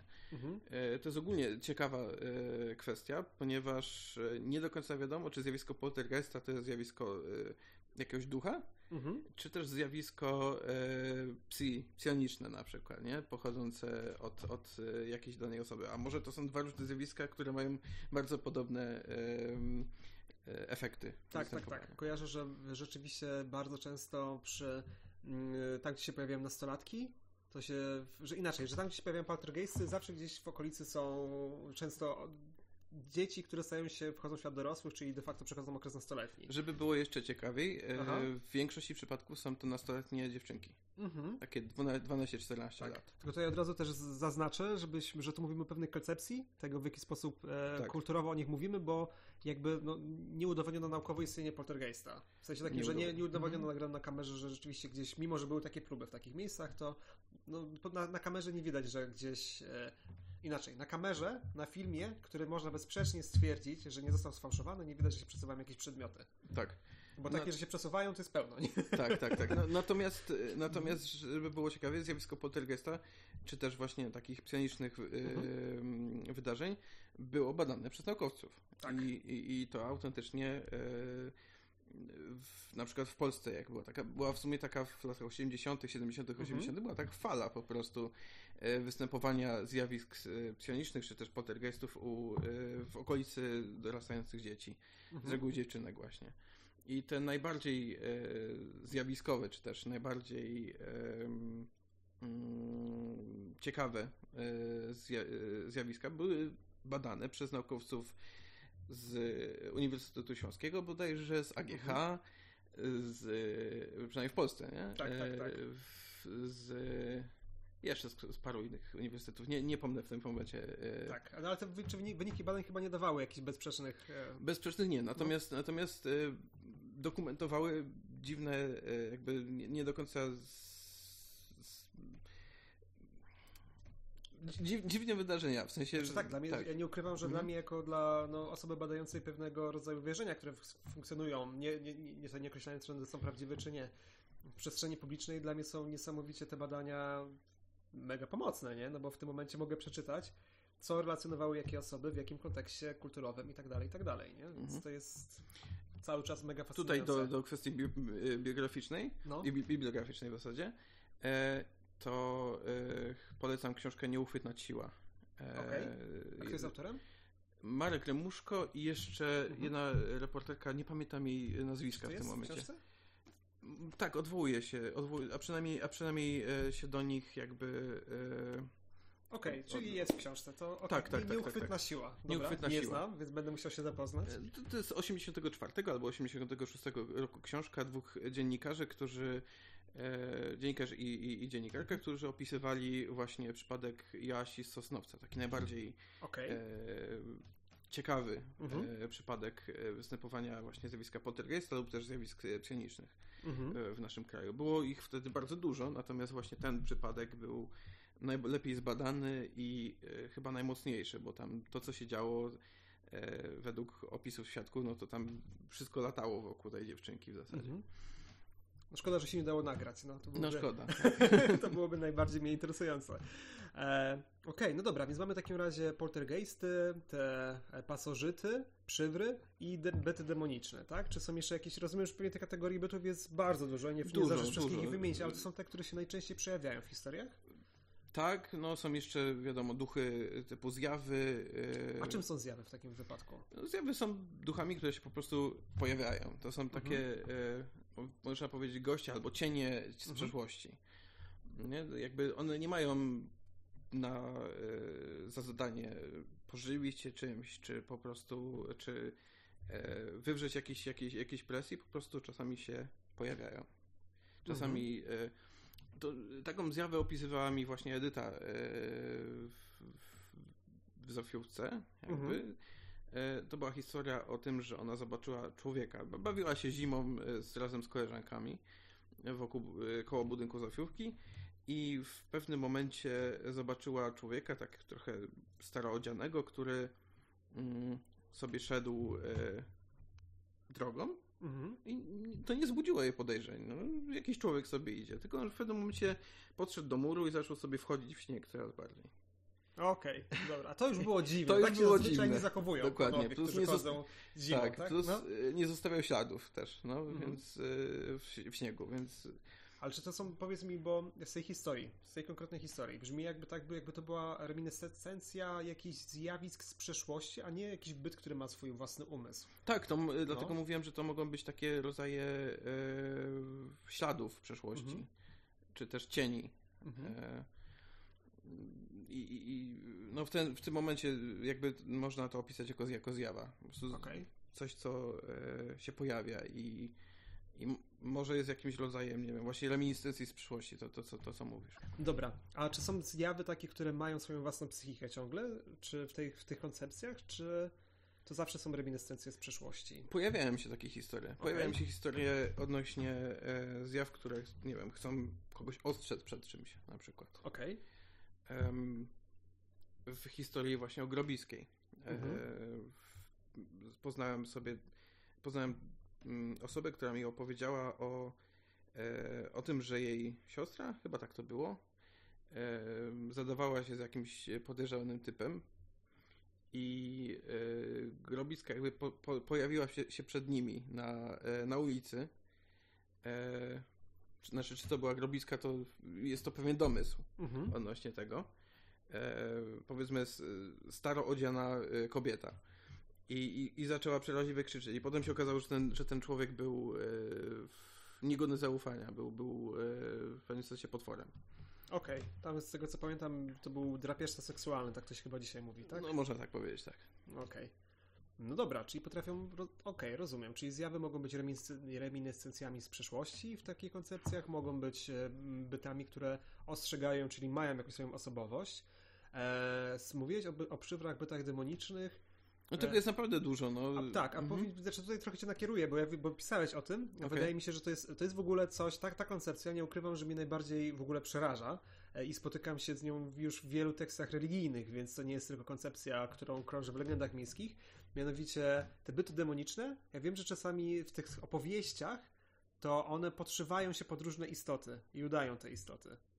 Mhm. Pisałeś o tym, że mogą, że czasami, jeśli dobrze pamiętam w swojej książki, że czasami mogą udawać jakąś osobę, która była zbarła, to wcale nie jest ta, ta osoba, tylko to jest właśnie byt demoniczny, tak? Wiem o co ci chodzi. Wiem no, o co no, ci no. chodzi. E, pisałem to w kontekście e, jakby przenikania nas do, e, e do tych takich innych gęstości. Powiedzmy. Aha, okej, okay, okej. Okay. E, na przykład e, jak otwierasz się bardzo na, mhm. na takie rzeczy, przywołujesz ducha, tak. lub też na przykład e, praktykujesz coś, co się nazywa OB, czyli Out body experience, tak, czyli wychodzenie, wychodzenie, poza, wychodzenie po, poza ciało. To jest mhm. ogólnie bardzo ciekawa kwestia. E, także psychologicznie. Tak, zdecydowanie. Tak. E, mhm. I w trakcie takich wędrówek lub też przywoływania ducha może ci się objawić coś, co będzie e, nie wiem, na przykład jeśli jesteś wierzącą osobą, mhm. tak? E, wierzącą na przykład jesteś katolikiem, mhm. to zobaczysz, nie Maryję albo Jezusa, mhm. którzy ci powiedzą, że masz coś zrobić. Mhm. E, no i co? No musisz zaufać, no w końcu to Jezus powiedział, nie? Mhm. A to by były właśnie takie osoby, znaczy takie, takie byty, które się podszywają mhm. pod, pod takie ikony religijne mhm. i e, każą coś, coś zrobić, co jest e, nie do końca fajne, na mhm. przykład. Dla swojej własnej korzyści. No rozumiem, czyli po prostu podszywają się pod kogoś. E, tak. To, są, to muszą być... Albo za twojego na przykład, nie wiem, wujka, ciotkę, zmarłą osobę na przykład. Okej. Okay. No nie ukrywam, że to jest właśnie coś, aż mam ciarki, jak słyszę takie historie, mimo że tak podchodzę, mówię, no mhm. w zasadzie Mm, kontrolowanej niewiary takich historii, bo nie ukrywam, że na przykład kiedy czytałem też o tybetańskich różnego rodzaju wierzeniach, e, to nie wiem, czy wiesz, że część buddystów, nawet buddystów wajrayanistycznych, czyli tych, które są w Tybecie, buddyzmu diamentowej drogi, to nie wszystkie uznają e, świętość czy prawdziwość tybetańskiej księgi umarłych. Dużo uznaje, ale nie wszystkie.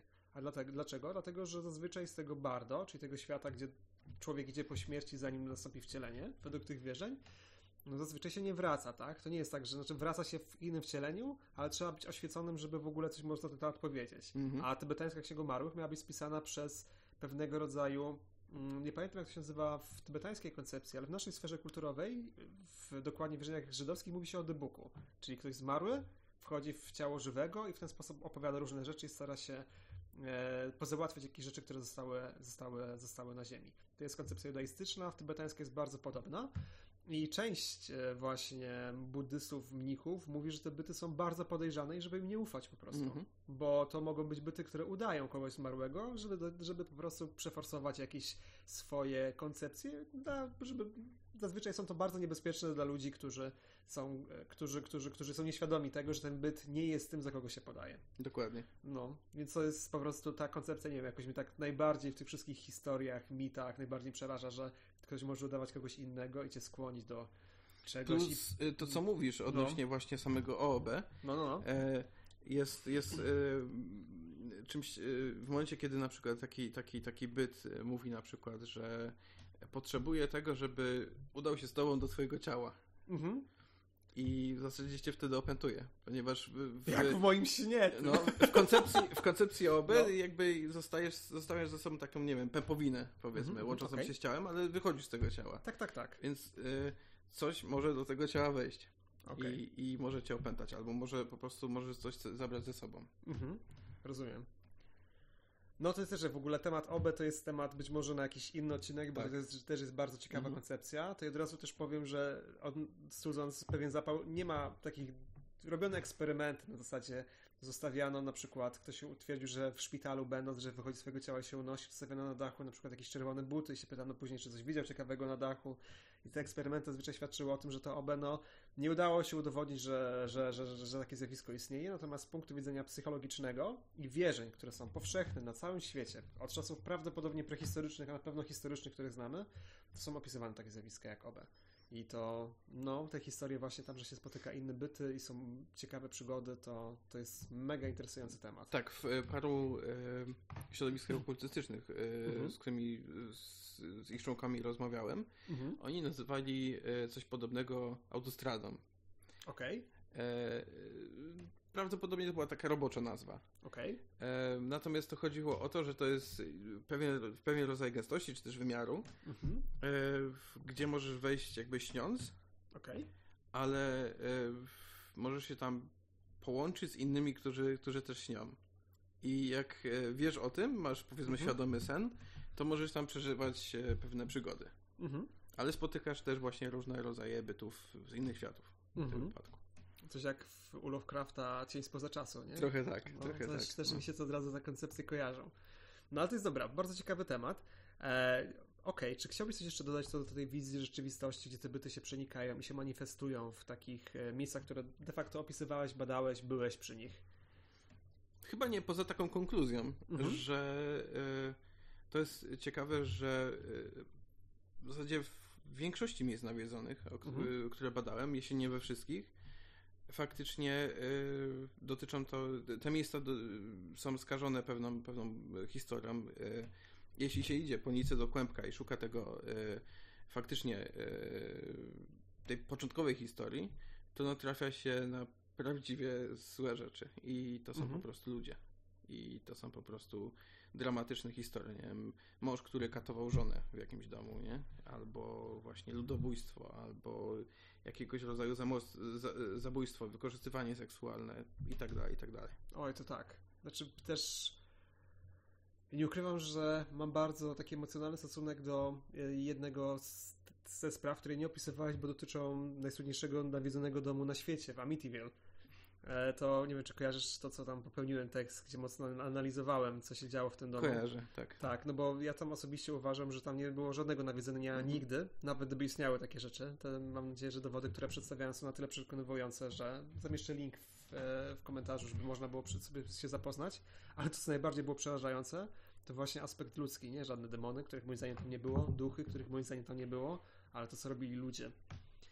I niestety tutaj także co robili ci świeccy egzorcyści Warrenowie, którzy nie zareagowali na to, że dzieci były podejrzanie spięte i chodziły jak na postronku, a reagowali, gonili z jakimiś mhm. duchami, których żaden późniejszy lokator tego miejsca nie widział. Czy z Warrenami ogólnie jest e, taka historia że ja oczywiście nie, nie, nie chcę bić w, w nich, bo to są jakby uznani demonolodzy, natomiast no, trochę muszę powiedzieć, że schodzą takie słuchy, czasami nawet bardziej potwierdzone, że y, czasami mm, można powiedzieć, że niektóre z ich historii są dosyć zmyślone. Znaczy tutaj powiem, jakby się odniosę do bezpośredniego e, w historii, która się wydarzyła naprawdę, w której oni uczestniczyli, ale w do pewnej mani- opowiem historię, gdzie Warrenowie dokonali manipulacji, która moim zdaniem ich dyskwalifikuje jako reportażystów, czy w ogóle jako też egzorcystów świeckich, w ogóle jako ludzi, którzy są prawdomówni, tak? Bo mianowicie jest jedno w, w nawiedzenie, już nie pamiętam miasta, które to było. Mm, w... Connecticut? Connecticut? Nie, nie, chodzi o miasto brytyjskie w Aha. Anglii. Oni tam, leci, tam, tam polecieli. E, demon, był e, obecność dwójka, horror. On nawiązuje do tego nawiedzenia w tym miejscu. Aha. Nie pamiętam, jak się nazywa ta miejscowość, ale to jest najsłynniejszy przypadek poltergeista, najlepiej opisany medialnie, najbardziej rozpowszechniony, jaki, jaki jest. E, I Warrenowie przybyli do tego miejsca, no i tam była trójka dziewczyn. e, które właśnie doświadczały obecność poltergeista, niby lewitowały, są zdjęcia z tych lewitacji, aczkolwiek te zdjęcia bardziej wyglądają jakby one wyskakiwały z łóżka, nie lewitowały. Tak, między nami. E, natomiast e, Warrenowie przybyli na miejsce i opisywali w tym książce, najsłynniejszej książce Demonolodzy, która czyta się świetnie, aczkolwiek wartość jej nawet dla religioznawcy jest bardzo słaba, bo po prostu są niewiarygodni, mm. to opisywali, jak rozmawiali z duchem, który wymawia gardło, który mówi gardłowym głosem i jest od osobie, która spisywała tą książkę, odtwarzali nagrania, ale zapomnieli powiedzieć jedną rzecz. Skąd ten dźwięk pochodził? A wydobywał się z ust jednej z dziewczynek. Okej, okay. Dźwięk był gardłowy, przerażający i tak dalej, natomiast jeśli przemilczeli ten fragment, to moim zdaniem nie, nie świadczy o najlepszych intencjach. Bo lepiej brzmi, że się pojawił w domu nagle taki odgłos, który mają nagrany, mhm. niż powiedzieć, że wydobywał się z ciała jakiejś dziewczynki, która być może w wyniku jakichś zaburzeń po prostu wydawała z siebie takie odgłosy. Ale to w zasadzie dziwne, że nie powiedzieli tym. Przecież mała dziewczynka, która jak no rozmawia właśnie. takim gardłowym głosem... No właśnie, to mogliby powiedzieć, że jest opętana, tak? No i że w ogóle wszystko się sklei do ich historii, a z jakiegoś powodu to to, to no, tego nie zrobili. Zresztą to, co wierzę, wierzę się tam bardzo mocno siedzę w mitach Cthulhu, jeśli chodzi o badanie ich. Zresztą kolejny odcinek będzie na ten temat. W końcu mam nadzieję, że go zmontuję. E, no to wiemy, że Necronomicon, księga, którą pisywał Lovecraft, jest zmyślona. Że nie ma takiej, że, że nigdy nie istniała. Natomiast tak. Warrenowie w swoim Muzeum Rzeczy Nawiedzonych mają egzemplarz Necronomiconu, który jest jakoś niby super, super, super opętany. No. I to jest Necronomicon Simona, który wiemy, że jest fałszerstwem. Tak.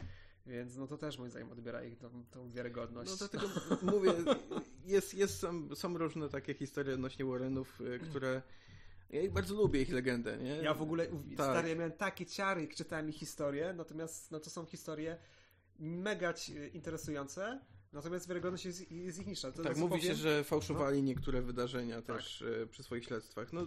Ja od razu powiem, że jeśli chodzi o badanie pewnego rodzaju wierzeń niektóre rzeczy, e, historii, w które ludzie wierzą i tak dalej, i tak dalej, z punktu widzenia religioznawczego, o wiele bardziej cenię w ogóle twoją książkę, bo ty po prostu wchodzisz w to głęboko, opisujesz, no i zostawiasz jakby perspektywę na to, że każdy może sobie inaczej pewne rzeczy tłumaczyć i wyobrażać. Jesteś reporterem. No i przynajmniej te sprawy, które znałem, to raczej świadczą twojej prawdomówności, jako Socicka gdzie mogłeś po prostu opisać historie, które ludzie mówią i tak dobrać fakty, żeby udowodnić, że, jest, że te historie są prawdziwe, a dotarłeś do może nie wiem, czy zdradzać, czy nie, ale tak, no sobie powiedziałeś, dotarłeś do osoby, która opowiada zupełnie inną historię, zupełnie tak. inną historię niż te wszystkie legendy miejskie, które były wokół tego miejsca. No to bardzo buduje twoją wiarygodność, stąd e, tym bardziej twoją książkę polecam. Dzięki. No plus właśnie, właśnie to, że e, no moim zdaniem najstraszniejsze w tym wszystkim i tak e, są historie ludzkie. No dokładnie. I też to jest, to jest coś, co jest dla mnie kolejną ciekawą rzeczą związaną właśnie z książką, mhm. że bardzo dużo osób mi e, pisze feedbacku takim, mhm. że e, najstraszniejszy rozdział, jaki czytali, e, jest odnośnie, jest ostatni, odnośnie bloku samobójców Starnowa, gdzie nie dochodzi do takich typowych paranormalnych zdarzeń. W zasadzie jest, mówi się tylko o klątwie, ale mhm. pierwsza skrypcja gra po prostu samobójstwo. Samobójstwo dużej ilości osób. I no. ludzkie historie po prostu które są często najbardziej dramatyczne. Tak. Dobra, to chyba tym akcentem będziemy kończyć. Dzięki okay. Ci wielkie za świetny, mam nadzieję, że świetny wywiad, ale przynajmniej dla mnie był bardzo emocjonujący. Dla mnie też. No i zdecydowanie polecam Twoją książkę. Dzięki. Więc czy ktoś wierzy w takie historie? Jeśli ktoś wierzy w takie historie, to po prostu będzie mieć ciary, nie będzie mógł spać, będzie to czytać jeśli ktoś nie wierzy w prawdziwość tej historii, to pozna historię po prostu, o których ludzie mówią i dowie się, jak się legendy miejskie rozprzestrzeniają, więc ta książka uważam, że jest o zjawiskach paranormalnych i nawiedzonych miejscach dla każdego. Plus wskazuje, że nie są te miejsca, więc jakby ktoś chciał się pobawić w ghost turystykę, to też ma od razu też przewodnik. Można. Tak, tak, tak. Przynajmniej właśnie, właśnie do tych miejsc. Dobra. To dzięki Ci wielkie dzięki. i e, no pewnie jeszcze kiedyś być może porozmawiamy na no, falach tego podcastu albo jakiegoś innego. Dzięki wielkie. Dzięki.